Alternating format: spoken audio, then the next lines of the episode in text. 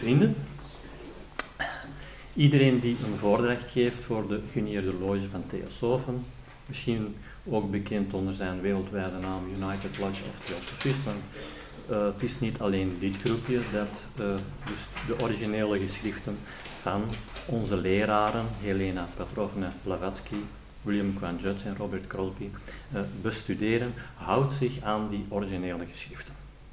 Maar, net zoals de klank van dit belletje, een objectieve klank, bij elk van u een andere gewaarwording teweeg brengt, zo is dat ook van toepassing bij de studie van theosofie. Hoewel we allen die originele schriften bestuderen, blijft theosofie altijd een heel persoonlijke, individuele en dus subjectieve aangelegenheid. Dus als u in het komende uur interpretaties van die theosofie zou horen, waarvan u zegt, uh, zo heb ik het niet begrepen, wel, laat deze dan vallen. Langs de andere kant, als u zegt, ja, misschien toch wel interessant om het zo eens te bekijken, wel, neem het dan als een eigen uh, persoonlijke uh, hypothese aan, zal ik maar zeggen, en uh, bekijk de zaak zelf. We sluiten ons hierbij aan bij het voorwoord dat gezegd is, onderzoek alles en behoud het goede. Dit gezegd zijnde kunnen we starten. Dus beste vrienden, juist zoals de meeste alledaagse dingen van het leven een diepe esoterische betekenis hebben, zo is dat ook van toepassing op cycliciteit. Vandaar de titel, de magie van cycliciteit of de mystiek van cycliciteit of het mysterie van cycliciteit, um, zoals u wenst. Cycliciteit is zoiets alledaags en zoiets normaals, maar het is ook zo universeel en zonder uitzondering dat het niet moeilijk is om daar een van de elementaire wetten van het heelal in te herkennen. Denk maar aan het kloppen van het hart, de ademhaling, um, inademen en uitademen, dag en nacht, slapen en waken, geboorte en overlijden. Nochtans, nochtans ontsnapt cycliciteit aan onze aandacht. En een mooi voorbeeldje daarvan is het woord cycliciteit zelf. Kijk u even naar de dikke vandalen en u zal zien dat het woord cycliciteit nog ineens niet bestaat. Het enige wat u in de dikke vandalen gaat vinden is cyclisch. Cycliciteit bestaat niet. Nochtans uh, is het niet alleen cycliciteit dat zo aan onze aandacht ontsnapt. Maar wie staat er nu bijvoorbeeld in stil bij ten eerste wat ruimte is, of ten tweede wat beweging is, of wat bewustzijn is, of wat het leven nu zelf is. En in deze voordracht, het eerste gedeelte in elk geval, gaan we stilstaan of gaan we de relatie aantonen die er is tussen die cycliciteit, ruimte, beweging, bewustzijn en het leven zelf.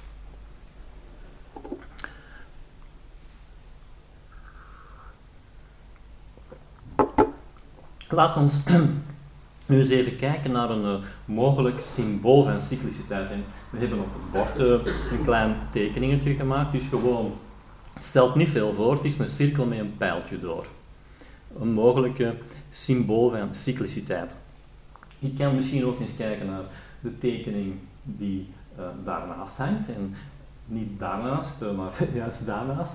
En wat het, wat het embleem is van de genieerde loge van theosofen van de ULT.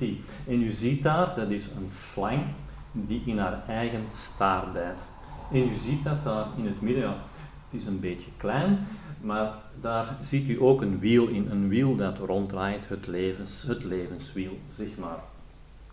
Het is dus eigenlijk niet moeilijk om van dat statisch embleem, van uh, symbool van cycliciteit, in uw verbeelding iets dynamisch, iets bewegend te maken. Dus u hebt hier al een kleine relatie met beweging op zichzelf.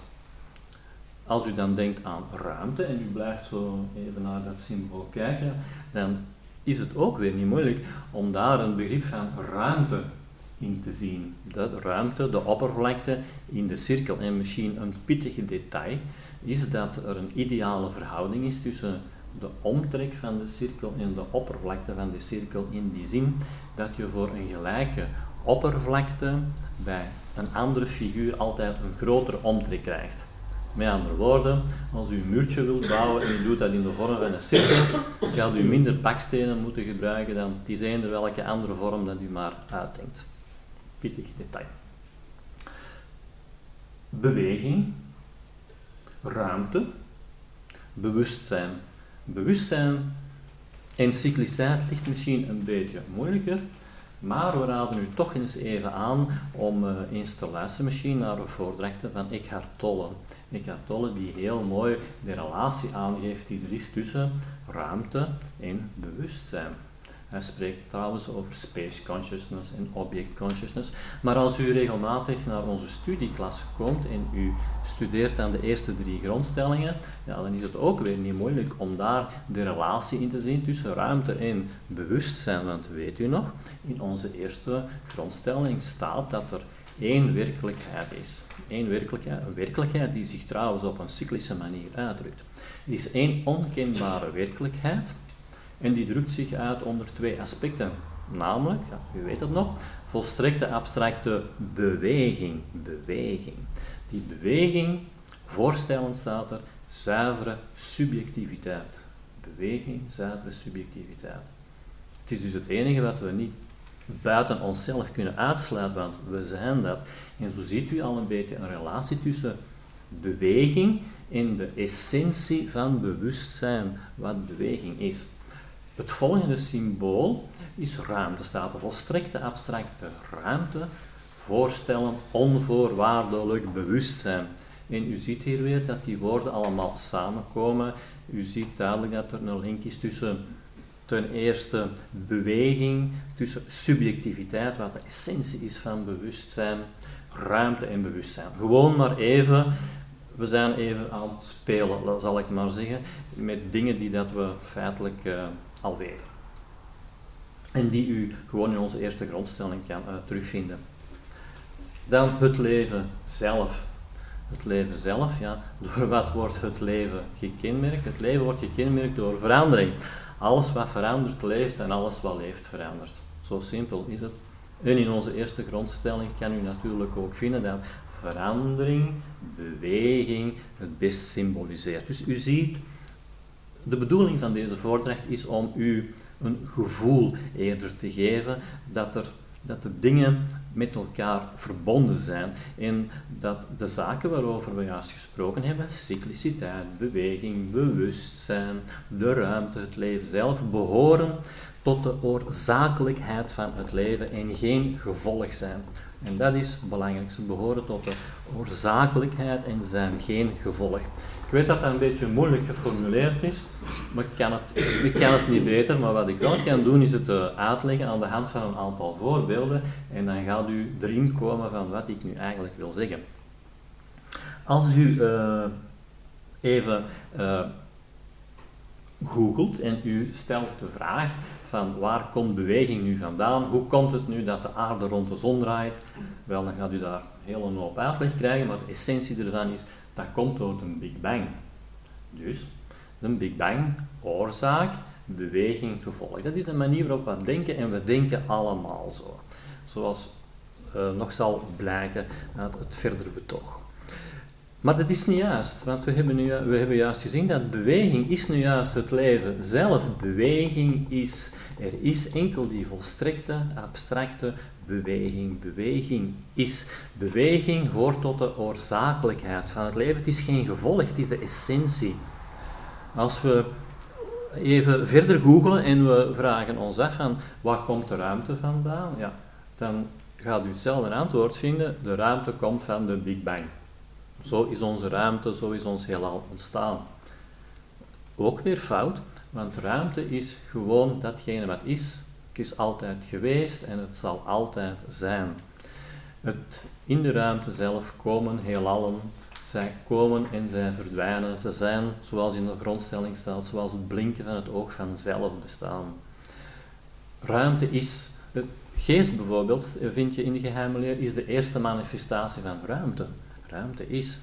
Ruimte is nog een oneindige leegte, nog een voorwaardelijke volheid. Het is beide tegelijkertijd. Ruimte is. Behoort met andere woorden tot oorzakelijkheid van het leven zelf. Bewustzijn. Bewustzijn. We zijn een tijdje geleden zijn we naar een uh, filmvoorstelling geweest, Quantum Revolutie. En dat is uh, een film van de Belgische makelij van het Solvay Instituut daar. En uh, op het, we hadden het geluk dus, omdat het de première was, dat we op het einde van de filmvoorstelling vragen konden stellen. En het was zeer interessante film, want het ging over het eigenaardige gedrag van fotonen en elektronen. En op, helemaal op het einde was er iemand op de achterste bank en die vroeg van, zou dat misschien iets kunnen te maken hebben met bewustzijn? En de man weer nog net, zal ik maar zeggen, niet uitgelachen. Want uiteindelijk bewustzijn is gewoon maar het gevolg, het resultaat van de hersens. Hè. Het is gewoon een bijproduct. Volgens uh, de wetenschap. Um, het leven zelf. We zijn allemaal zo opgevoed. Hoe, waar komt het leven vandaan? Ja, het leven is gewoon toeval. Dat is uh, de uitleg die gegeven wordt. Het is een, ik heb het een beetje gesimplifieerd natuurlijk, maar uiteindelijk komt het daarop neer. Wat staat daar tegenover? Wel, er staat tegenover dat je uh, theosofie die spreekt eerder over wetmatigheid. En hoe drukt die wetmatigheid zich dan uit? Die drukt zich uit door middel van cycliciteit. En hoe drukt cycliciteit uit? En wat zijn de kenmerken van die cycliciteit? Wel, uh, we willen u nu even twee uh, Latijnse begrippen meegeven. Het zijn elke keer twee woorden. En indien u dat al bijvoorbeeld zou onthouden van de voordracht, dan is ze al geslaagd. Um, die twee woorden die met die cycliciteit te maken zijn, hebben, dat is ten eerste dat Latijnse woordje een perpetuum mobile. En u kent dat allemaal, perpetuum mobile is gewoon datgene wat geen enkele energie nodig heeft en dat altijd op zichzelf blijft draaien. Het is uiteindelijk cycliciteit. De cycliciteit is een perpetuum mobile. En het andere Latijnse woordje is een woordje dat we ook al eens dikwijls gebruikt hebben, sui generis. Sui generis wil zeggen dat wat op zichzelf staat. Als u daar even over zou nadenken, dan kan u tot de conclusie komen dat perpetuum mobile altijd sui generis is. Het zijn twee begrippen die elkaar ondersteunen, als het ware, die verwijzen naar hetzelfde. Dat idee, uh, dat vindt u ook nog uh, terug in de theosofie onder een andere naam die ik u niet wilt uh, onthouden. Bijvoorbeeld in theosofie wordt gesproken over de anupaduka. Wat zijn de anupaduka? Dat zijn de ouderlozen. Denk er even over na. De ouderlozen. Ze, hebben, ze zijn niet geboren, ze zijn ouderloos. Ze zijn altijd geweest, zullen altijd zijn. Het verwijst daarnaar naar die oorzakelijkheid. En wie zijn dan die Anupadikas? Wel, wordt verwezen naar de devas, de engelen, wordt verwezen naar de rishis, de wijzen, er wordt dan verwezen naar de pitri, de vaderen, de voorvaderen, waar we het ook nog uh, even zullen over hebben, de suras en de asuras, enzovoort.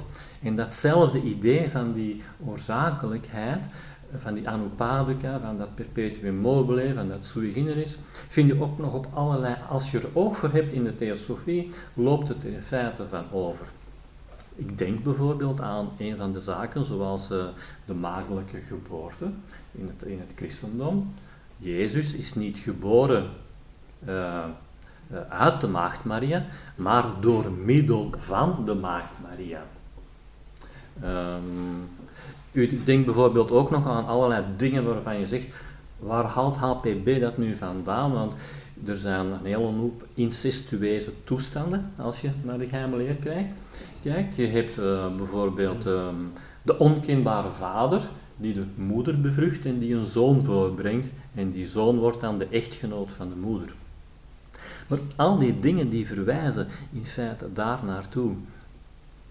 Um, er zijn er nog wijzen in het oosten die het op een andere manier trachten te zeggen. Uh, bijvoorbeeld uh, denk ik aan Ramana Maharshi. Ik denk aan Sri Nisargadatta Maharaj. En zij zeggen het uh, veel eenvoudiger. Zij zeggen, thou art dat. Jij zijt that. En dat staat trouwens ook in de stem van de stilte. Thou art that. We zullen het eens even, misschien even voorlezen. En u kan dat vinden in de stem van de stilte. Uh,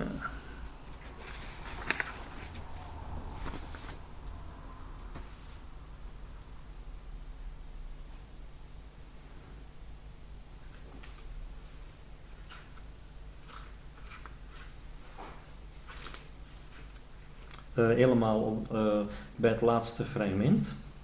En onthoud even gewoon, houd dat in dat achterhoofd, wat ik zeg, perpetuum mobile, sui generis, dat idee, de oorzakelijkheid. Want daar zijn we eigenlijk nog altijd over aan het praten. We zijn aan het praten, wie zijn een draad zou kwijt zijn, over de oorzakelijkheid. Dat we het meer op die manier moeten bekijken en niet als een gevolg. Er staat, zie, gij zijt het licht geworden, gij zijt de klank geworden, gij zijt uw meester en uw God. Gij zelf zijt het doel van uw zoektocht. De ononderbroken stem die weer klinkt door de eeuwigheden vrij van verandering, van zonde vrij. De zeven klanken in één, de stem van de stilte. Om, dat, zat, dat zijt gij. De stem van de stilte. Om dat eerste hoofdstukje uh, af te sluiten, wil ik u uh, dat toch nog op een andere manier nog eens trachten uit te leggen. En um, we verwijzen hierbij naar een, The Secret Doctrine ja, commentaries. De, commentaries is datgene, die uitgave die dat wij niet hebben, het is uitgegeven door de, door, uh, de, de, de niet door de geünieerde loge, maar de Secret Doctrine um, Dialogues. En de commentaries was er eerst, dus ik verwijs altijd naar die bladzijden van de commentaries. En er wordt in dat boek ehm, gevraagd aan HPB van wat is energie? En we gaan dat eerst even met eigen woorden uitleggen, om uh, dingen toch wat beter uh, te duiden. Dus we zijn nog altijd aan het spreken over die oorzakelijkheid. En er wordt gevraagd, wat is energie? En HPB zegt wel, energie, je kan dat op twee manieren bekijken. Je kijkt het wetenschappelijk of je kan het op een occulte manier bekijken. Wetenschappelijk, en zij geeft het voorbeeld van amber je neemt een doek, je wrijft over de amber en wat is het resultaat? Het resultaat is statische energie. 2. Je hebt weer oorzaak, het wrijven, en je hebt het resultaat, de statische energie. 2. Als je het op een occulte manier bekijkt, heb je 3. Je hebt altijd 3. Iets om te onthouden. Altijd 3, nooit 2, altijd 3. Zij legt het dan als volgt uit. Je neemt het doek, je wrijft over de amber.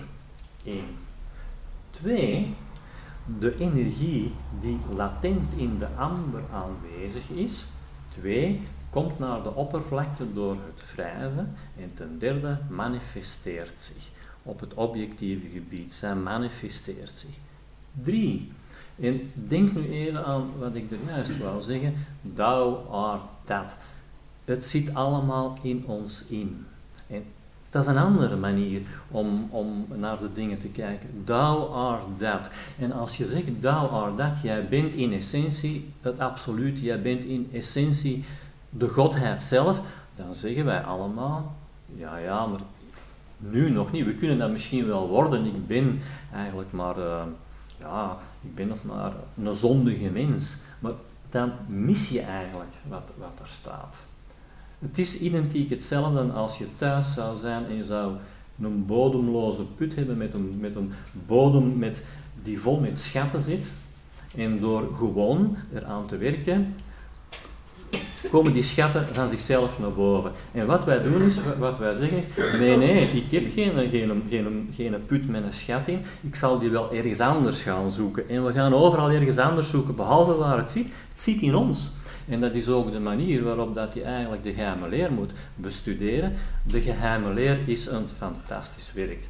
Maar je wordt er, je kan er gek van worden, omdat het op een andere manier iets tracht duidelijk te maken dan datgene wat wij schools gewoon zijn. Wij zijn gewoon om op een duidelijke, gestructureerde manier dingen um, voor ons te krijgen. En dat is de geheime leer niet. De geheime leer is zoals Het leven zelf is zoals een oerwoud waar je allerlei dingen ziet en die schijnbaar tegengesteld aan elkaar kunnen zijn. De enige bedoeling van de geheime leer is te wrijven. Dat is de bedoeling. En door dat wrijven komt datgene wat latent in u is, kan naar boven komen. En wat krijg je dan? Dan krijg je datgene wat we er straks over gezegd hebben, dat sui generis is en dat perpetuum mobile. Dat is uiteindelijk wat wij zijn. Misschien ook nog even uh, verwijzen naar uh, Einstein natuurlijk, hè, die, ons al gezegd heeft dat energie gelijk is aan materie. Weet je nog? E is gelijk aan mc kwadraat. Theosofie zegt nee, nee, het is 3. Energie is bewustzijn, is materie. De drie zijn één, het is een drie-eenheid. We sluiten hiermee ons eerste stukje af van wat ik uh, wilde vertellen. En uh, de voordracht is een beetje ingedeeld in uh, vijf, vijf onderdelen. Dus het eerste gedeelte was om u eigenlijk aan te tonen dat er een relatie is tussen cycliciteit, ruimte, beweging, bewustzijn in het leven zelf. En dat allemaal tot de oorzakelijkheid behoort en geen gevolgen zijn, ten eerste. Een tweede willen we u graag iets vertellen over de wijze waarop cycliciteit zich uitdrukt. En cycliciteit drukt zich uit door middel van dualiteit en niet door middel van dualisme. We denken allemaal dualistisch en daar wil ik graag ook nog iets uh, over vertellen. Het derde deel van de voordracht zal gaan over de wijze waarop de dualiteit zich verhoudt ten opzichte van elkaar. Die twee duale krachten, er zit een systematiek in, er zit een logica in, er zit datgene in wat de evolutie drijft. En dan gaan we het hebben over uh, de levensatomen. Heel interessant, want theosofie zegt dat de levensatomen bij elke reïncarnatie opnieuw worden aangetrokken tot dezelfde individualiteit. Heel erg interessant. We willen ook graag iets zeggen over de monaden. Um, dus derde puntje. Het vierde puntje willen we u iets vertellen over cycliciteit zelf. Cycliciteit wordt opgedeeld in uh, verschillende fasen, bijvoorbeeld. Uh, dat kan je erover zeggen.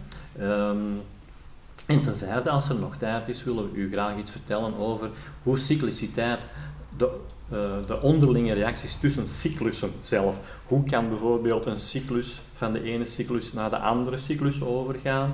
Hoe is het dat een cyclus maakt altijd deel uit van een andere cyclus. U weet, u, u, weet dat wel, de eenheid bestaat uit een veelheid en die veelheid is op zijn beurt weer een eenheid in een grotere, in een andere veelheid. Uh, daar willen we eigenlijk ook iets uh, nog over vertellen. Maar eerst en vooral zouden we u dat verschil uh, willen zeggen, het verschil tussen dualiteit en dualisme, hopelijk op een manier om het nooit meer te vergeten. We hebben een klein tekeningetje gemaakt. En dat tekeningetje dat kan u aan het bord zien. U ziet daar dualiteit in. Gewoon voor de cassette. Het is een plusje en een minneke met een cirkeltje rond. Een cirkeltje dat je ook kan zien als, uh, als dualiteit. Als, als cycliciteit. Dualiteit. We hebben ook nog een, uh, een papiertje gemaakt waar dualisme op staat. Dualisme. Ik heb een plusje en een minneke op een blad ge, uh, ge, geschreven. Ik heb dat blad door midden geknipt. En dualiteit de plus staat langs de ene kant en het uh, minneke staat langs de andere kant. En dat is in essentie het verschil tussen dualiteit en dualisme. Dualisme bestaat eigenlijk niet in de natuur. Dualisme bestaat enkel en alleen maar in de mens zijn gedachten. Dualiteit is eigenlijk weer drie. Terwijl dualisme twee is en twee bestaat. Nu weet, Plato had een enkel aan, aan, dat getal twee. En we willen nu uh, gewoon uh, even zeggen dat, of bewust van maken, dat we eigenlijk allemaal op een dualistische manier denken en niet in de zin van dualiteit. En uh, we kunnen daar een eenvoudig voorbeeldje van geven. Als we nu een auto gaan kopen, dat is een plus, moeten we er een prijs voor betalen, dat is een min. Dus ja, wat proberen we? We proberen zoveel mogelijk opties te krijgen, zodat die plus een beetje groter wordt. Je kunt tegenwoordig 9000 euro aan voordelen krijgen, aan opties krijgen. Interessant. En misschien krijgen we nog iets terug van onze oude wagen, dat minneke. Dat wordt dan ook een beetje minder. En misschien betalen onze auto uh, misschien betaalt onze baas onze auto wel terug, nog beter. Dus we kunnen die min wegvoefelen. En dat is eigenlijk waar we constant mee bezig zijn. En ik ben natuurlijk ook op die manier bezig, want anders kan je in deze wereld uh, niet overleven. Maar het is nefast voor ons geestelijk denken op die manier. Want de werkelijkheid, de natuur, zit zo niet in elkaar. Van het allerkleinste tot het allergrootste, alles is een dualiteit. En u ziet, het is ook een heel gevaarlijke manier uh, van denken. Omdat, uh, ik denk bijvoorbeeld aan de meeste godsdiensten, denk bijvoorbeeld het katholieke geloof, denk aan de islam, die hebben geen dualiteit, maar die denken dualistisch. Je hebt langs de ene kant God en langs de kant de duivel. En die hebben met elkaar niks te maken. En dan kunnen dan die ingewikkelde vragen krijgen van, er overkomt mij nu van alles. En hoe komt dat nu? Dus kijk eens, die rijkaart daar, die heeft alle geluk en, en, en mij overkomt en krijg ik allemaal van die onmogelijke vragen.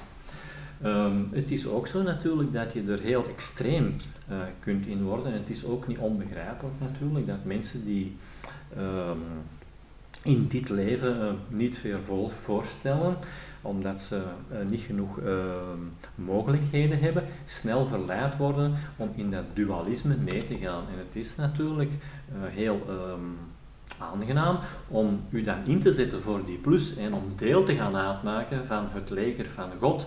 En wat moet je dan doen? Dan moet je de duivel bestrijden. En wie is de duivel? De duivel is al diegenen die zich niet naar God toegekeerd hebben en je moet die vernietigen. Je moet ze vernietigen en dan krijg je allerlei extreme toestanden. Wel, het, leven uh, is een dualiteit. Het dualisme is heel erg gevaarlijk. Nu, um, we hebben het eigenlijk over de eenheid. Daar wil ik iets over zeggen. En ik heb er nog een aantal andere um, emblemen of symbolen feitelijk op het bord gezet. U ziet daar het yin-yang teken. Het yin-yang-teken is ook een heel interessant feitelijk uh, symbool. U ziet daar bijvoorbeeld, dan kan u zich afvragen, hoe komt het dat die golvende lijn er in feite zit? Het is geen strakke lijn, het is een golvende lijn. En daarin kan, hier de golvende lijn zien, zo. Um, en u kan daar al de beweging in feite, het facet beweging in zien. U ziet daar ook dat de dualiteit daar heel mooi in komt en dat een wit bolletje in het zwarte gedeelte, een zwart bolletje in het witte gedeelte. En we zullen straks nog zeggen dat de dualiteit, dat geest uit stof geboren wordt en stof wordt uit de geest geboren en in beide zijn één. Dat, dat, dat, gaan we straks voor. Maar u ziet dus in elk geval die eenheid. Het is één cirkel, het is niet twee. Heel mooi. Het volgende uh, beeld is ook heel mooi, het ankteken. En het ankteken, dus, u kan daar een manneke in zien. U kan er ook man-vrouw in zien. Ook niet moeilijk. Wat zit daar ook in? Zit ook nog in Isis en Osiris. Het is dus eigenlijk een heel mooi beeld, omdat het uh, uh, weergeeft die innige relatie die er is tussen de mens en de goden. Wij zijn eigenlijk die goden. Maar waar ik het eigenlijk echt wil over hebben, is dat u ziet dat de ang is één teken. Je hebt het bovenste gedeelte en het onderste gedeelte, die staan hier los van elkaar. Het is een eenheid, het is één. Alles is man, vrouw, alles. En uh, wie daar nog zou aan twijfelen bijvoorbeeld, er zijn ook mannen die borstkanker kunnen krijgen. Dus heel dat idee over uh, het verdrukken of het trachten te onderdrukken van je hebt een man, je hebt een vrouw. Nee, we zijn, we zijn allemaal man-vrouw, allemaal. En zeggen dat de natuur niet zo in elkaar zit, wel, dat is fout, sorry. Dat het, we zijn allemaal man-vrouw. Een heel uh, ander mooi beeldje om die eenheid nog te tonen is, en ik weet niet goed, uh, misschien moet ik Rita daar even iets over vragen, maar ik weet niet goed dat je het uitspreekt. Het is dus de staf van Hermes, Caduceus of Sadduceus. Hoe zeg je? Caduceus. Caduceus, dank u. Um, de staffen van Hermes. En het is ook een heel mooi teken. U ziet daar ook die twee slangen die kronkelen. De dualiteit zit erin en die slang die kronkelt rond die, rond die paal. En daarboven ziet u de vleugels. Als ik uh, naar dat teken kijk, dan moet ik gewoon weg uh, denken even aan een uh, passage uit de stem van de stilte. En die vleugels, voor mij, verwijzen die naar de vleugels van de zwaan, de Kalahansa van het oosten. De Kalahansa die tegelijkertijd Braam en Brahma is. En, en, en dat is ook wel uh, interessant, want herinnert u zich nog uh, wat ik er gezegd heb uh, in verband met onze eerste grondstelling? Er is slechts, is, er is slechts volstrekte abstracte ruimte, voorstellend onvoorwaardelijk bewustzijn. Dus en dat zit daarmee in, in, in, in vervat. Als we over bewustzijn spreken, dan denken wij altijd aan een bewustzijn dat aan iemand toe behoort. Want de theosofie spreekt over volstrekte abstracte ruimte en over een onvoorwaardelijk bewustzijn. En dat is interessant om over na te denken. Uh, ik ben hier aan het afwijken. Als ik naar dat symbool zie, dan moet ik vooral denken aan uh, de stem van de stilte.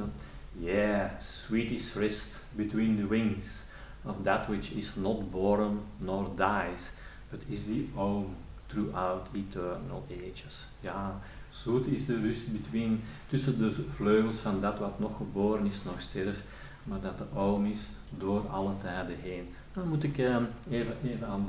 Een heel mooi symbool, maar ook, u ziet daar de dualiteit, dualiteit die hier in feite drie is. Wou ik even zeggen.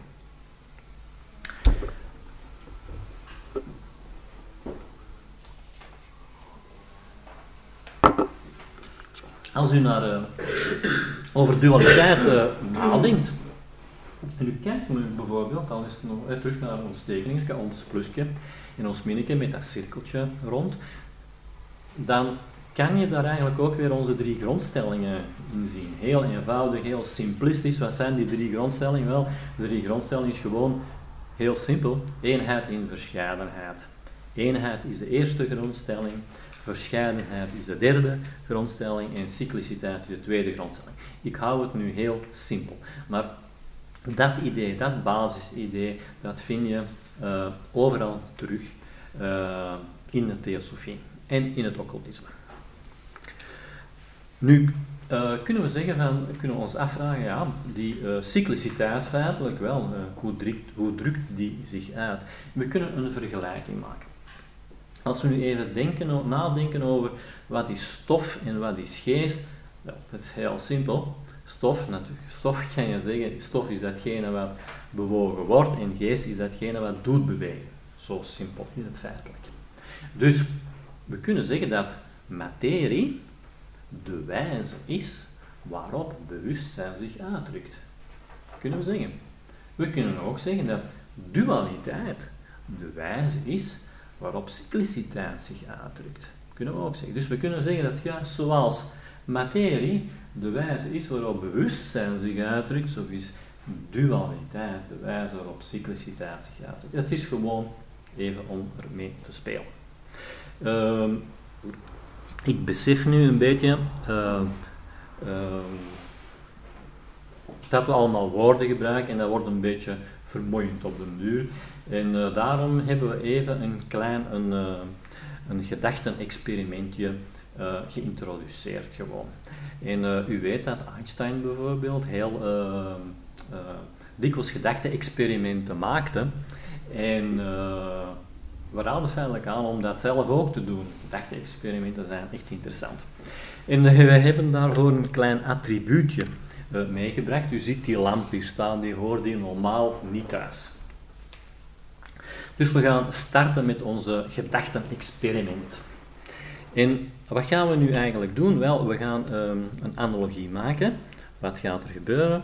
Ik ga hier aan het knopje draaien. Zo. En u ziet, wat stelt dat voor? Wel, het stelt gewoon de geboorte mee.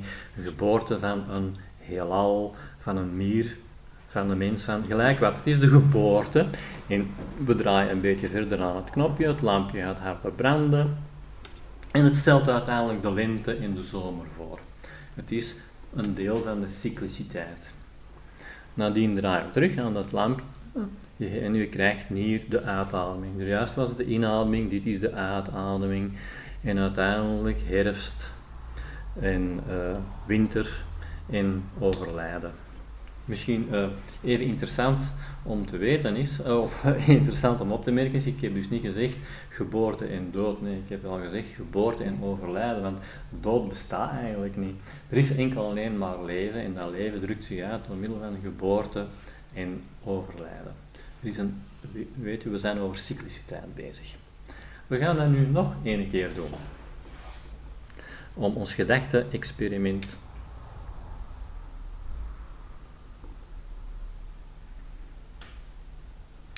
Nu het gedachte-experiment. Nu kan u zich de vraag stellen van, wat is nu de relatie tussen die twee lichtvlammetjes? En ik ga het u niet te gemakkelijk maken, want we gaan er eerst zelf eentje zeggen. Wat ik niet, waar ik niet achter aan het zoeken ben, dat is uh, dat u natuurlijk, u bent het, in het voorbeeld het publiek, u bent de ruimte, u bent de waarnemer van het geboren worden van die twee lichtvlietjes. Dat bedoel ik niet. Ik bedoel ook niet, een mogelijke relatie is dat er moet iemand zijn die aan het knopje zit. Er moet iemand zijn die het licht laat branden en terug uitdoen. We gaan het daar straks nog over hebben, maar in de analogie, in de symboliek, wil ik daarbij dan verwijzen naar de monade. We willen ook iets zeggen over onze maanvader en over onze zonnevader. Uiteindelijk zijn die drie elementen die de cycliciteit uh, niet in gang zetten, maar die ze toch uh, beïnvloeden. Maar daar gaan we het nu nog even niet over hebben. Er is nog een derde element dat die twee lichtflitsen met elkaar verbindt. En we vragen u of dat u enig idee zou kunnen hebben wat ik nu bedoel. Het is zo onzichtbaar dat je, dat je niet bij stilstaat. Je ziet het in feite niet. Ja, zoals cycliciteit ontsnapt aan onze aandacht, ontsnapt dit ook aan, aan, uw aandacht. Heeft er één, iemand enig idee wat ik zou kunnen bedoelen en wat die twee lichtflitsen nog met elkaar zou kunnen verbinden? Enig idee. Ja? De zwaartekracht. Ja, een goede poging ook. Het is niet wat ik bedoel. Nog iemand? Energie, elektriciteit. Let the force be with you. dat is wat ik bedoel. Dat is inderdaad wat ik bedoel. Vanuit het standpunt van de lamp, natuurlijk, heb je iets dat sui generis is. Wat op zichzelf staat, wat een perpetuum mobile is. Al de lampen van heel Antwerpen zijn op datzelfde elektriciteitsnet aangesloten. Dat, is wat ik eigenlijk uh, wil, wil zeggen. Als u ook aan cycliciteit uh, denkt, cycliciteit en energie gaan nauw met elkaar hand in hand. En twee weken geleden hebt u een voordracht gekregen over de Mahatma's. En die Mahatma's die hebben twee, vier dingen ontdekt. Twee dingen, twee theoretische dingen, twee uh, praktische dingen. Waar ik het toch even wil over hebben, omdat ze rechtstreeks te maken hebben met die cycliciteit. Het eerste wat zij ontdekt hebben is zoals u al kan raden, is ten eerste dat er een elektriciteitsnetwerk is in het heelal. Dat is er gewoon. Dat sui generis is en dat een perpetuum mobile is. Tot die ontdekking zijn ze gekomen. De tweede ontdekking dat ze gedaan hebben is dat elk van ons, elk wezen, ook een perpetuum mobile is, dat sui generis is. De tweede ontdekking, met andere woorden, zij hebben de ontdekking gedaan van de ziel. Er moet iets zijn dat altijd een constante is. Als dat niet zou zijn, zou geen evolutie mogelijk zijn. En dat is het tweede punt dat zij ontdekt hebben. En ze hebben ook nog een derde en een vierde praktisch puntje ontdekt. Wat hebben zij ontdekt? Wel, ze hebben ontdekt hoe dat zij zelf hun lichtschakelaar kunnen aan- en uitdoen. Ik heb dat nu gedaan, maar de Mahatma's hebben dat zelf ontdekt, hoe dat ze dat kunnen doen. Met andere woorden, de Mahatma's hebben geen uh, Devachan is niet nodig. Zij kunnen, kunnen kiezen om dat te hebben of dat niet te hebben. Zij hebben dat niet. De Mahatma's hebben ook geen ehm, de volgende stap, een, een, nirwana. Ook niet, nee, zij, hebben ervoor, zij kiezen er eigenlijk voor om zelf hun lamp naar believen in te pluggen in dat hele grote elektriciteitsnetwerk en om hun lamp zelf te laten branden, hun lamp te laten branden ten dienste van de mensheid. En tenslotte hebben zij geleerd hoe dat zij al het licht dat zij hebben laten schijnen op de, tijdens hun vorige incarnatie, in hun nieuwe incarnatie, hoe dat zij dat bewust kunnen van het ene leven naar het andere leven overbrengt. En u vindt dat natuurlijk ook uh, sporen van het boeddhisme natuurlijk. Hè. We denken aan de tulku. Hè. Uh, de, de, Dalai Lama was over laatst een interview en die vertelde dat toen ze hem kwamen halen in dat dorpje dat hij woonde, was nog maar een jaar of zes dat hij een aantal mensen herkende. En dat is op die manier natuurlijk dat de Dalai Lama gekozen wordt. Wat ik eigenlijk uh, naartoe wil is dat dus we, we zijn allemaal, we zijn sui generis, we zijn een perpetuum mobile, maar we zijn het onbewust. In de praktijk wil het eigenlijk zeggen dat indien dat we sterven, ja, het lichtje gaat uit en de volgende keer dat je terugkomt, wat heb je daar dan nog van over? Wat schiet daar nog van over? Wel, je zou kunnen zeggen, dat is intuïtie. Is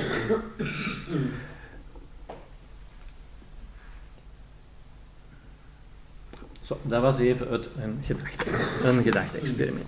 We willen nog eens even verwijzen naar een stukje uit. Uh, nee, uh, misschien ook nog. Uh, datgene wat ik nu gezegd heb over, dat over uh, sui generis en dat perpetuum mobile, dat vindt u natuurlijk ook nog in literatuur terug, terug. Ik denk bijvoorbeeld aan allerlei verhalen over de heilige graal bijvoorbeeld, dat is dan een verwijzing daarna. Ik denk ook aan uh, verhalen over de ontdekking van de steen der wijze. Er staat ook in de Five Years of Theosophy staat een artikeltje over het levenselixier. Het zijn allemaal dingen die naar die kant verwijzen en uiteraard, uiteraard, uiteraard heb je zowel de plus als de min. Je hebt de rechterkant die dat doet, dan denken we aan Nirmanakayas. Maar er zijn ook de broeders van de schaduw die op diezelfde manier kunnen werken. En vandaar die verhaaltjes allemaal. Denk maar over weerwolven, ik denk over uh, vampieren, denk over een, dat verhaaltje van Frankenstein, wat uiteindelijk een, een beetje een heruitvoering is van het aloude verhaal, het kabbalistisch verhaal van de, de goden bijvoorbeeld. Gewoon maar even terzijde. Uh, we gaan uh, nog eens even lezen uit uh, de stem van de stilte. En uh, we lezen op bladzijde 5. En gewoon even hou in het achterhoofd wat ik gezegd heb over die eeuwigdurende energie. Daar staat. Deze aarde, o onwetende discipel, is slechts de sombere toegang die naar de schemering leidt die voorafgaat aan de vallei van het ware licht.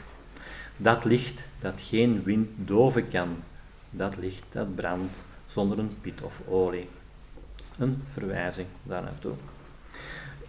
Nu dat we dit allemaal zeggen, zal het u ook niet verwonderlijk zijn dat cycliciteit eigenlijk, eigenlijk tot het uh, occultisme behoort en dat daar ook niet zo heel veel uh, feitelijk over gezegd wordt. Het is de essentie van het, het, het, occultisme. We lezen even in deel 1 van de geheime leer. Er staat het volgende.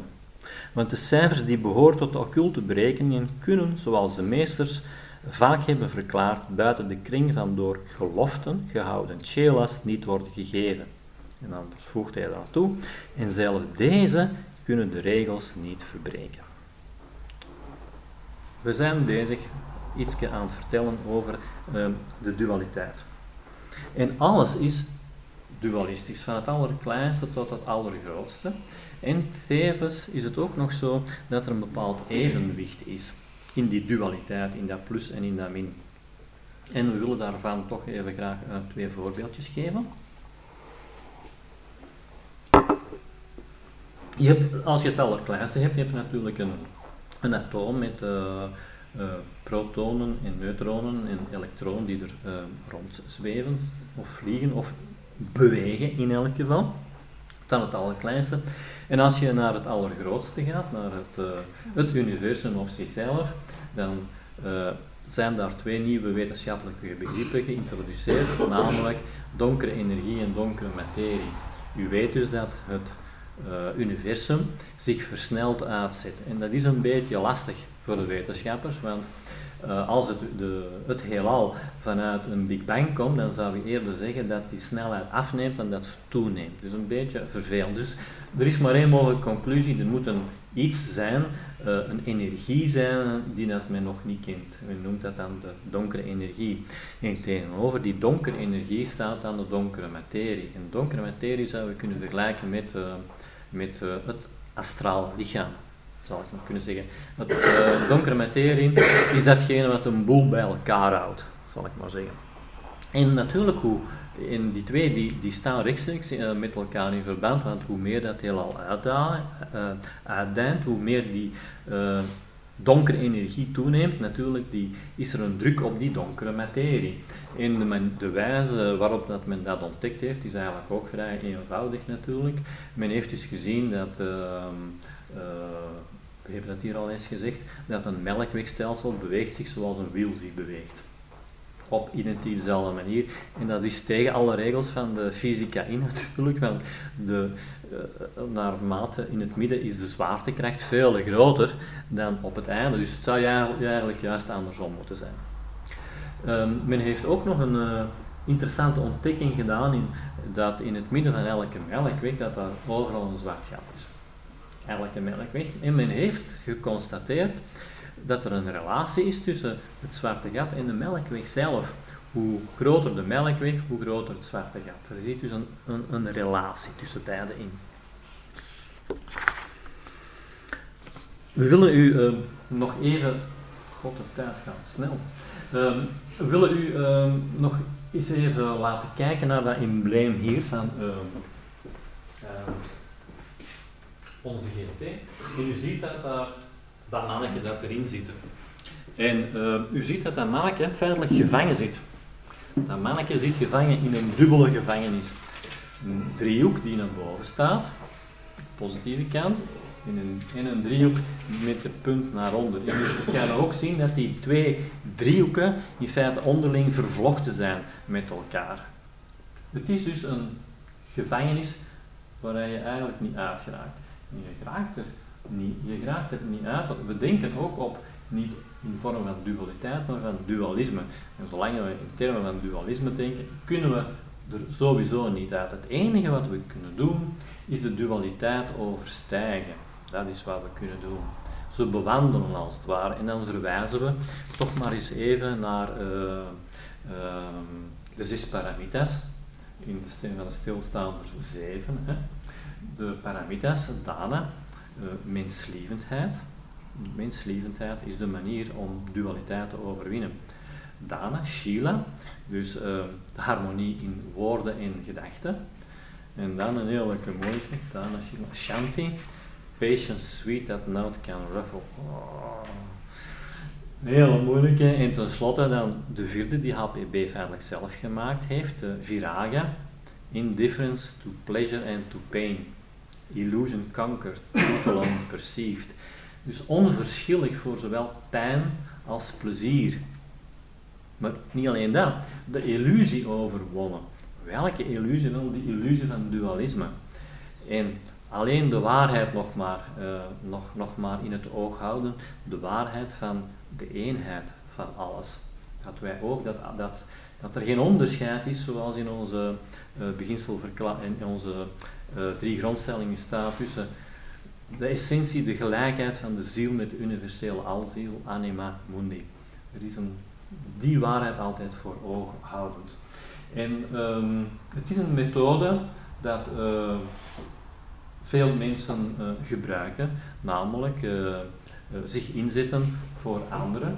En het is eigenlijk, er zijn heel veel psychologen, heel veel cursussen om als je ergens in een bepaald probleem hebt om eruit te geraken. Er is eigenlijk maar één manier, dat is je eigen dualiteit negeren in door middel van menslievendheid en dus een andere deel uit te maken van een groter geheel en in die dualiteit te stappen. Het is de enige manier, het is zo simpel, maar ja. En daarom, uh, om dat toch even um, te duiden, nog gaan we een stukje nog lezen uh, uit de stem van de stilte. Uh, wacht hè. Ja, hier. Waaruit dus dat mededogen feitelijk uh, ten blij komt. En de enige manier is om, zoals u zult zien, de dualiteit te overstijgen.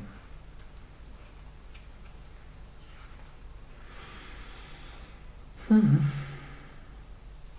Vooraleer je de allereerste poort kunt naderen, moet je leren uw lichaam te scheiden van uw denkvermogen de schaduw te verdrijven en in het eeuwige te leven. Hoe kan je in het eeuwige leren leven? Wel, hiertoe moet je in alles leven. En ademen, zoals alles wat je waarneemt ademt in u. Uzelf voelen als vertoevend in alle dingen en alle dingen in zelf. Je zult niet toestaan dat uw zinnen een speelplaats maken van uw denkvermogen. Je zult uw zijn niet afscheiden van zijn en al het overige, maar de oceaan laten opgaan in de druppel, de druppel in de oceaan. Zo zult je volledig in harmonie zijn met al wat leeft. Liefde betuigen aan mensen als waren zij uw broederleerlingen. Discipelen van één leraar, de zonen van één liefderijke moeder. En nog een ander uh, stukje dat over die dualiteit, het overstijgen daarvan gaat, is ook heel mooi. Want het is een methode die door heel veel mensen gebruikt wordt, wordt, uh, wordt natuurlijk, maar je, je, moet ze in feite vastpinnen. Het is maar op het moment dat je die vijfde paramita, de vierde, de, de vijfde, sorry, de zesde paramita, de vijfde paramita is die volhardendheid, zal ik maar zeggen, de moed en moed. Dhyani is de zesde paramita. Het is maar als je die zesde paramita bereikt hebt, dat je die menslievendheid kunt vastpinnen als het ware, dat je niet meer kunt uh, uh, verloren gaan. En hier wordt hier naar verwezen. Er wordt hier gezegd, vooraleer je in Dhyana Marja, dat is dus uh, die zesde paramita, kunt vestigen en het uw eigendom kunt noemen, dient uw ziel te worden als de rijpe mangovrucht. Zo zacht en zoet als haar lichtgouden vruchtvlees voor het leed van anderen, zo hard als de piet van die vrucht voor uw eigen pijn en zorgen. O overwinnaar van wel en wee. Overwinnaar van wel. En dat is een mooi beeld hè, van, van die mango, van, uh, van, die, van die mango. In de geheime leer vinden we trouwens ook nog, uh, waar HPB verwijst dat, zij zegt dat hier wel, maar het is gewoon een puur metafysisch proces. Zij schrijft daarin dat de individualiteit van de eenheid die tot een groep behoort eerder wordt gekenmerkt door de individualiteit van de groep dan door die van de eenheid zelf. Het is misschien een beetje een moeilijke manier om te zeggen, maar het komt erop neer. In, in, in simpele woorden is maar één manier om van uw miserie vanaf te geraken, dat is u de miserie van iemand anders aantrekken. Um, we zijn uh, nu gekomen, we zijn nu een beetje gekomen aan het derde punt.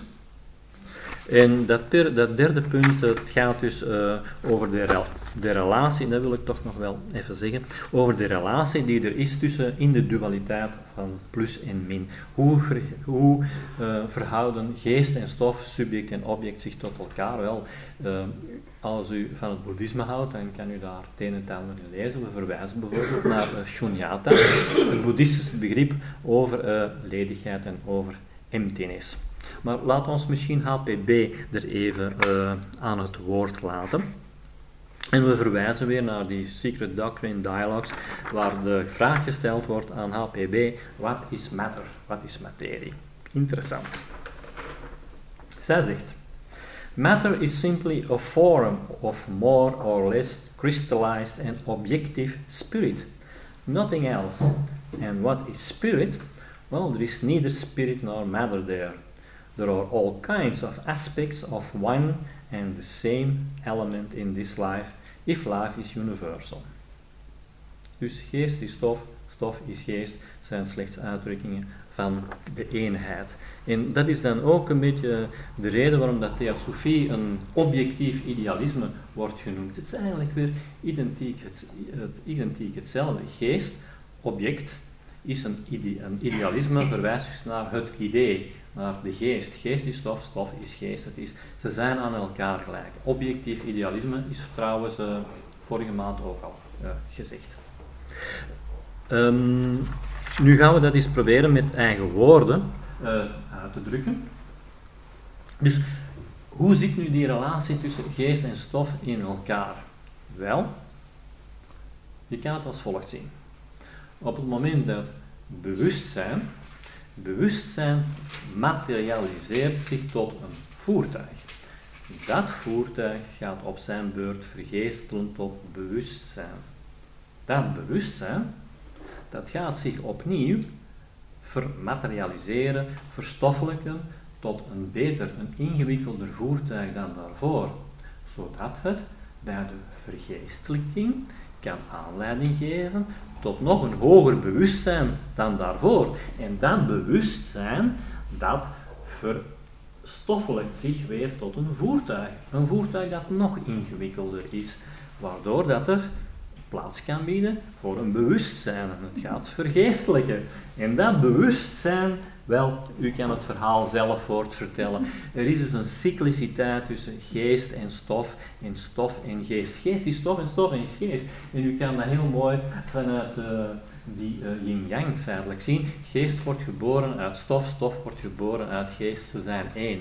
En we willen het u nu niet, niet theoretisch houden, maar gewoon even heel praktisch. Wie, speelt hier, wie kan hier muziek spelen bijvoorbeeld? Ongeveer. Is er iemand die kan typen? Ja, voilà. een beetje. Wel, dan gebeurt in feite juist hetzelfde. Als u muziek leert spelen bijvoorbeeld, hebt u zeven jaren nodig om uw bewustzijn te focussen op die notenleer, op die, dat handenspel. Zeven jaar heb je, heb je daar ongeveer voor nodig. Na die zeven jaar wordt datgene waar u op gefocust hebt, wordt vermaterialiseerd in u. Op, op een gegeven moment gaat u niet meer denken wat u uw handen moet zitten, gaat u niet meer aan noten denken, nee, nee, u gaat gewoon aan de muziek denken. En zo is het identiek met typen ook, iets makkelijker natuurlijk, typen heb je weer sneller aan onder de knie, maar om dat voorbeeld te geven, ik type alle dagen, ik moet niet meer nadenken van hoe moet ik mijn handen zetten en, en op welke toetsen moet ik drukken, dat ik denk aan een idee en mijn handen beginnen te werken. Het is zelfs zo erg dat indien dat ik aandacht schenk aan mijn handen, dan typ ik fout. En dat is ook bijvoorbeeld een uh, bij de problemen bij topsporters bijvoorbeeld. Daar is die druk zo, die mensen zijn heel afgetraind, maar die druk die wordt zo hoog dat ze toch nog eens gaan denken aan hun techniek en dan verliezen ze dan, dan verliezen. Het is identiek hetzelfde. Het is ook bij gevechten bijvoorbeeld. Hè. Uh, even tot daar gelaten, maar dat is identiek. Dat is identiek. Martial arts is dat identiek hetzelfde. Dat moet erin zitten. En het is dezelfde techniek die gebruikt wordt. Um, nu hebben we er een, een tekeningetje op het bord nog uh, gezet. En, dit hier. Dus we hebben hier een cirkeltje genomen. Een cirkel genomen en daaronder een kleine cirkel. En uh, voor de cassette zal ik het dan maar even zeggen. U ziet dus eigenlijk acht bolletjes. En u ziet dus dat naar gelang we naar beneden gaan, wordt de cirkel altijd een beetje kleiner tot, tot het op zijn kleinst is. En aan de rechterkant gaat het terug naar boven. Dat is wat u ziet. U ziet ook dat er drie niveaus zijn in de cyclus, in de cycliciteit. Eigenlijk vijf als je de bovenste en de onderste uh, meetelt. Maar er is dus altijd een dualiteit en u zal het waarschijnlijk niet zien, want ik heb het nogal slecht getekend, maar u ziet dus dat het linkerbolletje een beetje lager is dan het rechterbolletje. Dus u hebt daar ook weer die dualiteit. U hebt een bovenkant en u hebt een onderkant. U hebt een pluskant en u hebt een minkant. En eh, misschien is u dat al eens opgevallen bij landen bijvoorbeeld, maar meestal is het zo dat landen van het noorden rijker zijn dan landen dan de zuidkant van het land. In België trouwens ook zo. En u hebt een linkerkant en u hebt een rechterkant. U hebt een vrouwelijke kant en u hebt een mannelijke kant. U hebt geest en stof. En daarom is dat teken hier van die... Rita? Caduceus. Caduceus. Zo een heel mooi, uh, heel mooi uh, tekening. Want u ziet hier die afwisseling geest-stof, geest-stof. Dat, dat, komt er heel mooi uh, tot, in, tot in uiting. Waarschijnlijk is het hè? Als je denkt aan de kiekenroos zoals ik, ik, ik laat het daar, ik laat, ik laat het.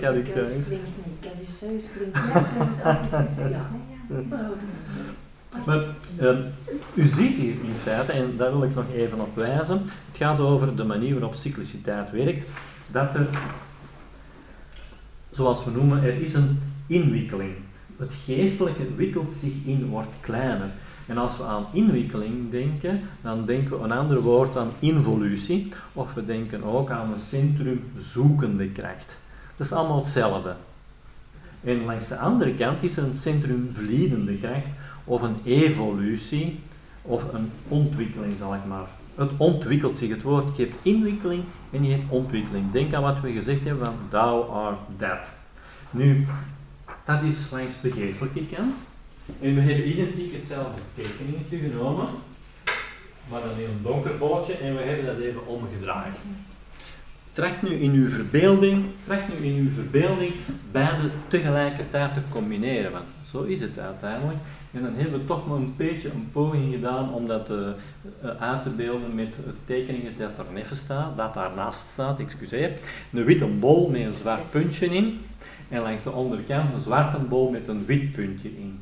En die twee cyclussen die treden dus tegelijkertijd, tegelijkertijd op. En u ziet hier dat er het geestelijke aspect, als dat afdaal bewustzijn, dat er een, een involutie is van de geest in de stof.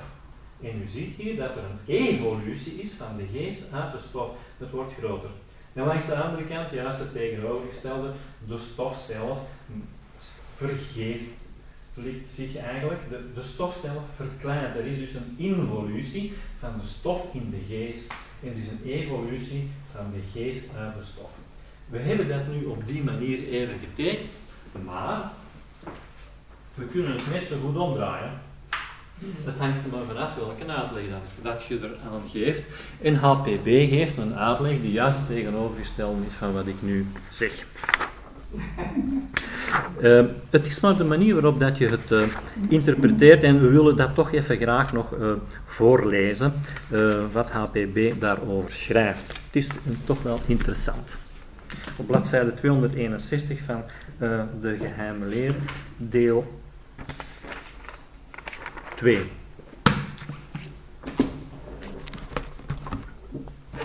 Ik wil dat u niet onthouden, want het, is, het gaat over cycliciteit en dat zijn de woorden van de leraar zelf. Hè.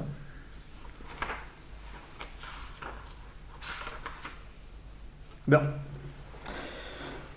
uh, er is een hele uitleg gedaan en HPB zegt, volgens ons is de occulte leer logischer. Ja.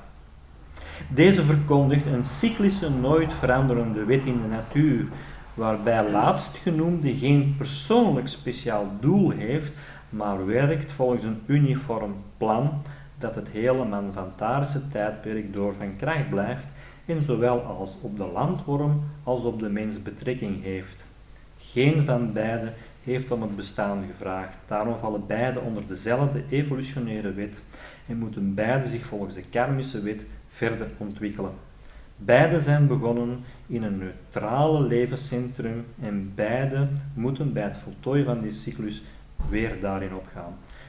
Het is eenzinnige en het is eigenlijk gewoon subliem, want u kunt daar al drie dingen in die rechtstreeks te maken hebben met die cycliciteit. Namelijk, je komt vanuit een, een, een neutraal levenscentrum en je gaat er terug in op. Eigenlijk is de theosofie zo simpel dan dat. Verder is er ook een uniform plan gedurende de hele manvanta, waarin die monade in cycliciteit een essentieel um, rol speelt. En verder is het van toepassing op alle wezens van de landworm tot en met de mens.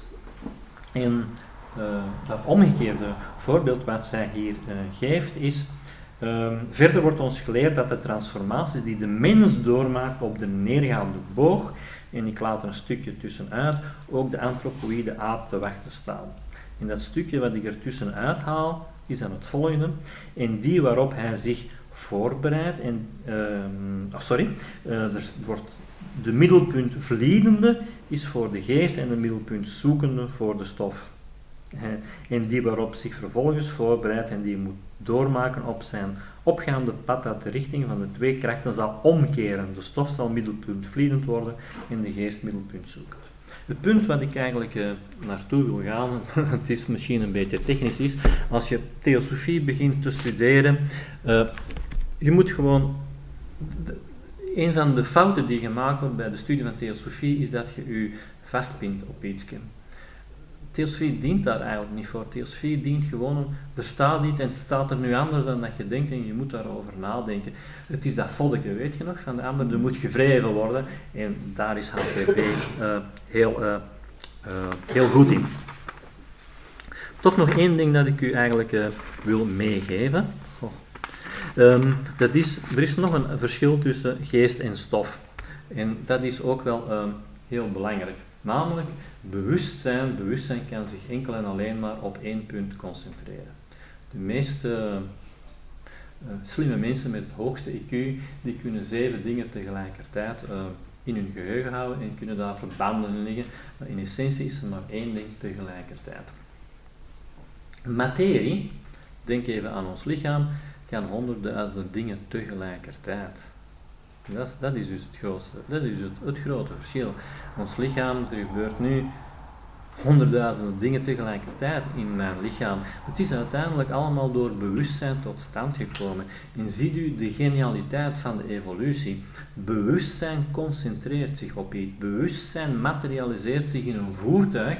Dat voertuig wordt, al die intelligentie wordt daarin opgeslagen zodanig dat je een ingewikkelde voertuig krijgt en dat je je kunt bezighouden met hogere dingen. Het is een oneindige cyclus van geest en stof, bewustzijn, focus en blijvende focus, waardoor dat bewustzijn zich vermaterialiseert tot materie en waardoor evolutie uh, mogelijk wordt.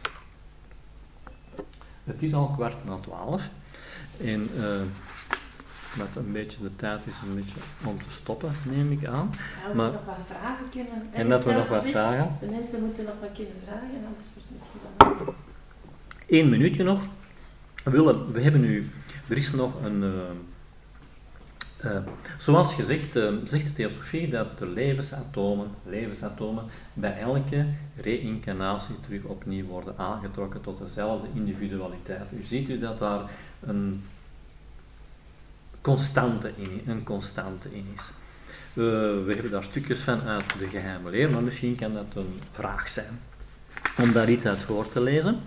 Uh, vervolgens uh, is het ook nog heel interessant om na te denken over de pelgrim, over de monade. Want het is die monade uiteindelijk die door alle cyclussen heen gaan, of misschien nog beter andersom, alle cyclussen gaan door de monade heen.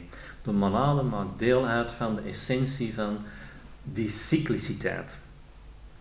En uh, om dan toch nog heel kortjes af te sluiten, zijn er dus uh, elke cyclus, zoals u ziet, zijn drie verschillende fasen. U ziet dat ook terug, u kan het zelf bestuderen. Als u naar bladzijde 200 gaat van deel 1 van de geheime leer, dan ziet u daar dat er het bovenste gedeelte een geestelijk aspect is, archetypical. Ten tweede is er altijd een intellectueel scheppende en vervolgens een astraal vormende. En dat is met alle cyclussen die je maar kunt voorstellen, is dat zo. Van het allersimpelste, als ik mijn hand naar boven doe, we gaan het daar nu niet over hebben, want Deepak Chopra heeft daar een boek over geschreven, Quantumgenezing, waar hij het heeft over de kwantumsprong. We gaan het er nu niet over hebben, maar behoort tot het geestelijke aspect.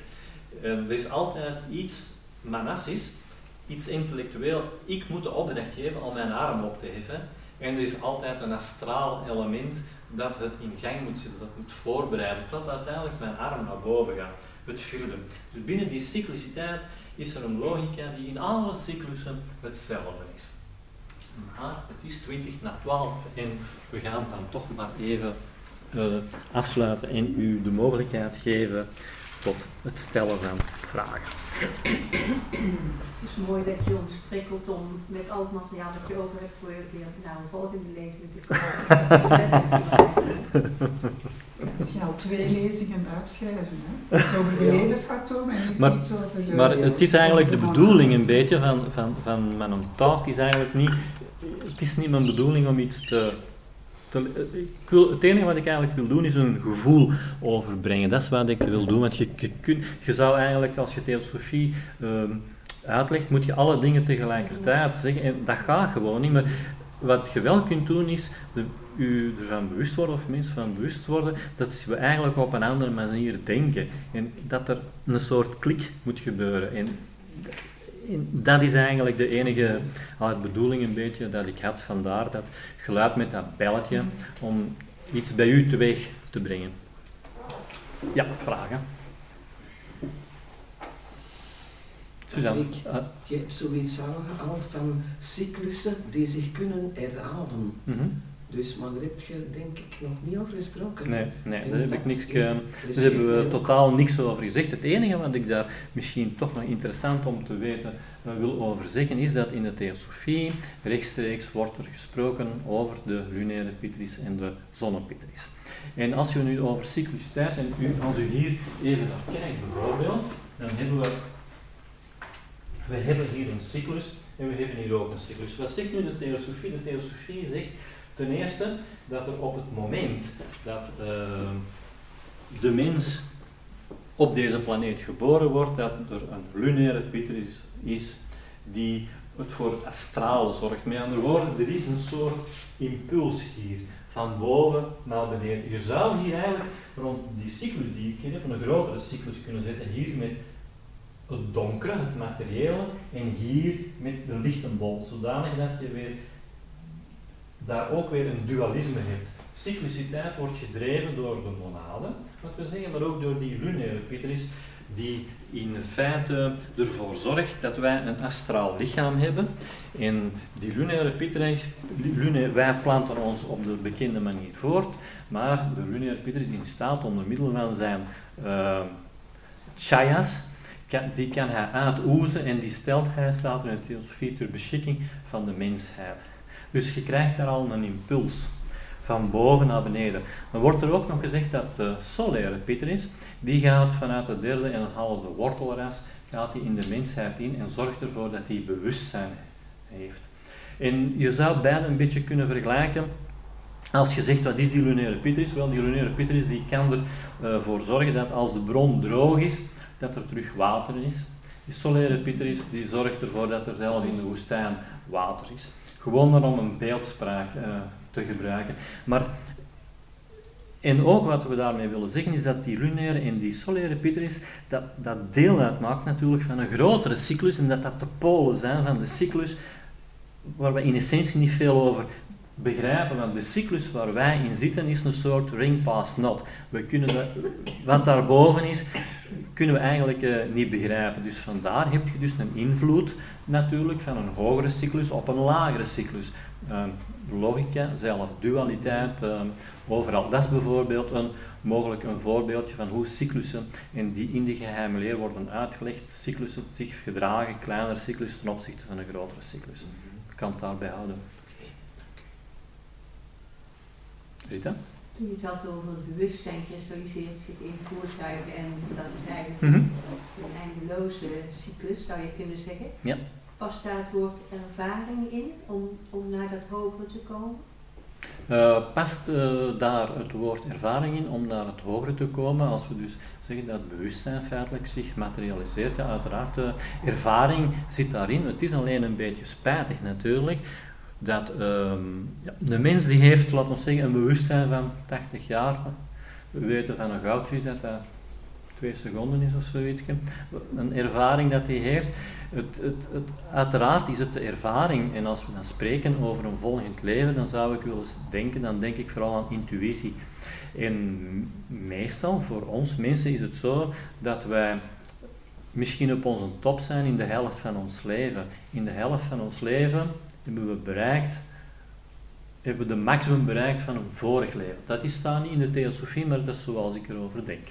Uh, dat we daar het maximum bereikt hebben van ons vorig leven. Trouwens, in de Kabbalah bijvoorbeeld mag je maar beginnen bestuderen vanaf je 40, hè, tussen haakjes. En ene keer dat je dan in de helft van je leven bent, kan je terug voor zorgen dat er een nieuwe top is. Dan heb je al de ervaringen van het vorige leven, al de intuïties, heb je een beetje zou je hard moeten gemaakt hebben en kan je een volgende stap zetten. Dus ik denk dat je daar uh, inderdaad kan spreken, dat dat uiteindelijk het doel is om alle ervaringen die we hebben, want anders heeft het leven totaal geen enkele zin natuurlijk.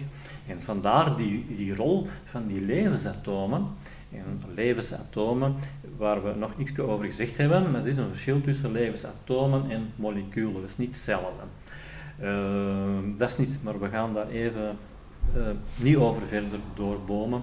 Misschien zijn er nog vragen over.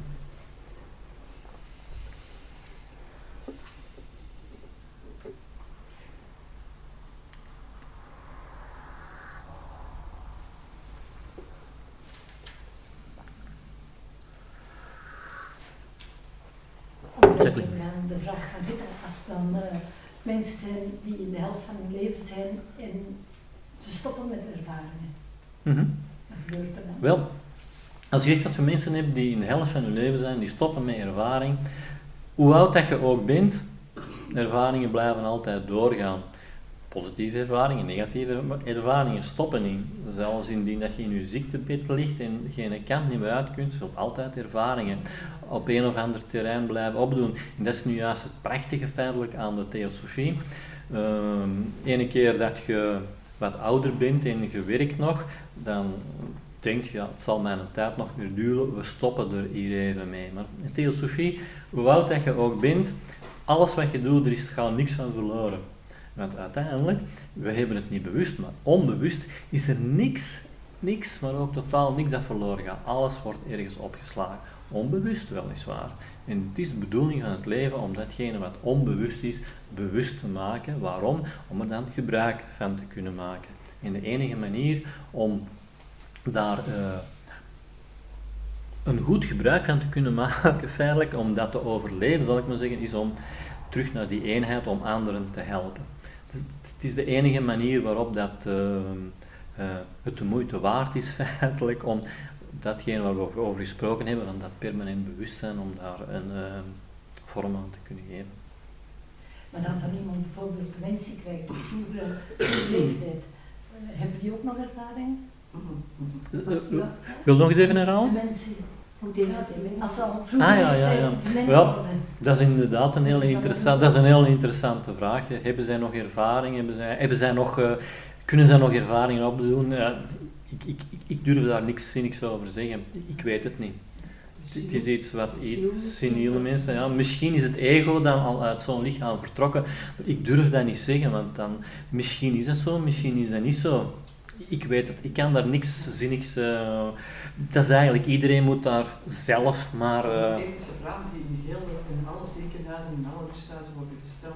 Hebben die mensen nog ervaring, ja of nee? Ja. Ik ging antwoorden, nee. als je dat puur wetenschappelijk dan hebben die geen ervaring meer. Nee. Want het, er is geen denkvermogen meer aanwezig, dat is een pure fysiek, kinderlijk lichaam dat dan nog ligt. Ja als je dat vanuit theosofen kunt, kun je dat echt zeggen van ja, dat is nog bewustzijn aanwezig.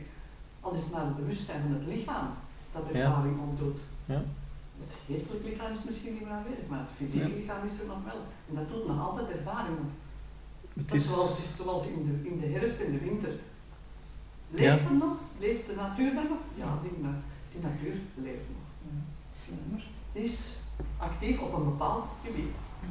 Het is een, dat het lichaam nog moet bepaalde dingen, als zoals in de herfst en in de winter, toch nog ervaring moet opdoen.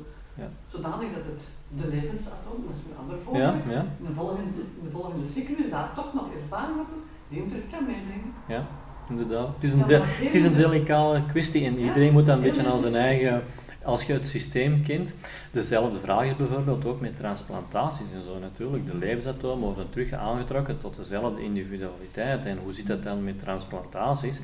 Er, zijn, er is een film uh, gemaakt van, uh, van, van, van uh, die het daarover gehad heeft. zeg het eens, met zijn revolver. De, de, um, wie? Nee, ik zeg Eastwood. Clint Eastwood. Clint Eastwood. Clint Eastwood heeft daar een film over gemaakt, waarin en dat is ook zo, dat wordt ook niet ontkend, dat het hart van iemand anders bij een harttransplantatie, dat die persoon gevoelens en ideeën krijgt van die persoon zelf. Dat, dat, dat, dat is zo, dat is een feit. Mag dat nu, mag dat nu niet? Het zijn allemaal vragen waar ik niet ga op antwoorden, waar iedereen voor zichzelf maar uh, moet uh, over nadenken. En uh, zoals Krishna zegt feitelijk, doe dat wat u het beste lijkt. En onderzoek alles en behoud alleen het goede. Ik dank.